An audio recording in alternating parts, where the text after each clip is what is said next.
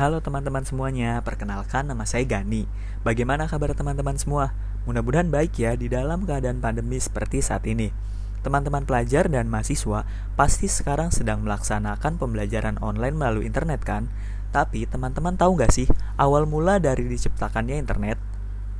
Jadi, internet pada awalnya merupakan jaringan komunikasi yang digunakan oleh Departemen Pertahanan Amerika Serikat pada tahun 1969 dengan nama ARPANET, yang merupakan singkatan dari Advanced Research Project Agency.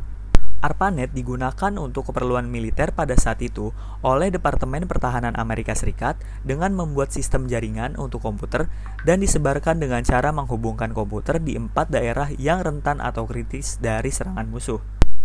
Pada tahap selanjutnya, ARPANET dibagi menjadi dua, yaitu ARPANET dan MILNET.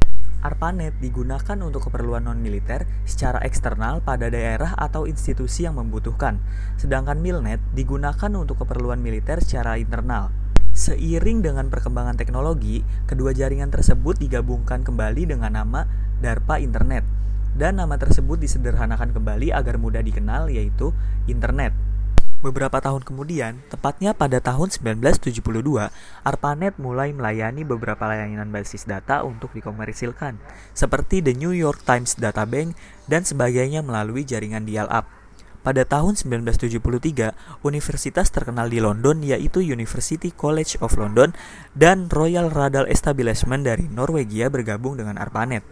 Seiring dengan berjalannya waktu, internet mulai banyak digunakan oleh beberapa negara di dunia yang diawali dari adanya media online luar negeri pada tahun 1990. Koran pertama Amerika Serikat dikeluarkan oleh Chicago Tribune hingga masuk ke Indonesia, yang pada akhirnya membuat jurnalisme online muncul pada tahun 1999.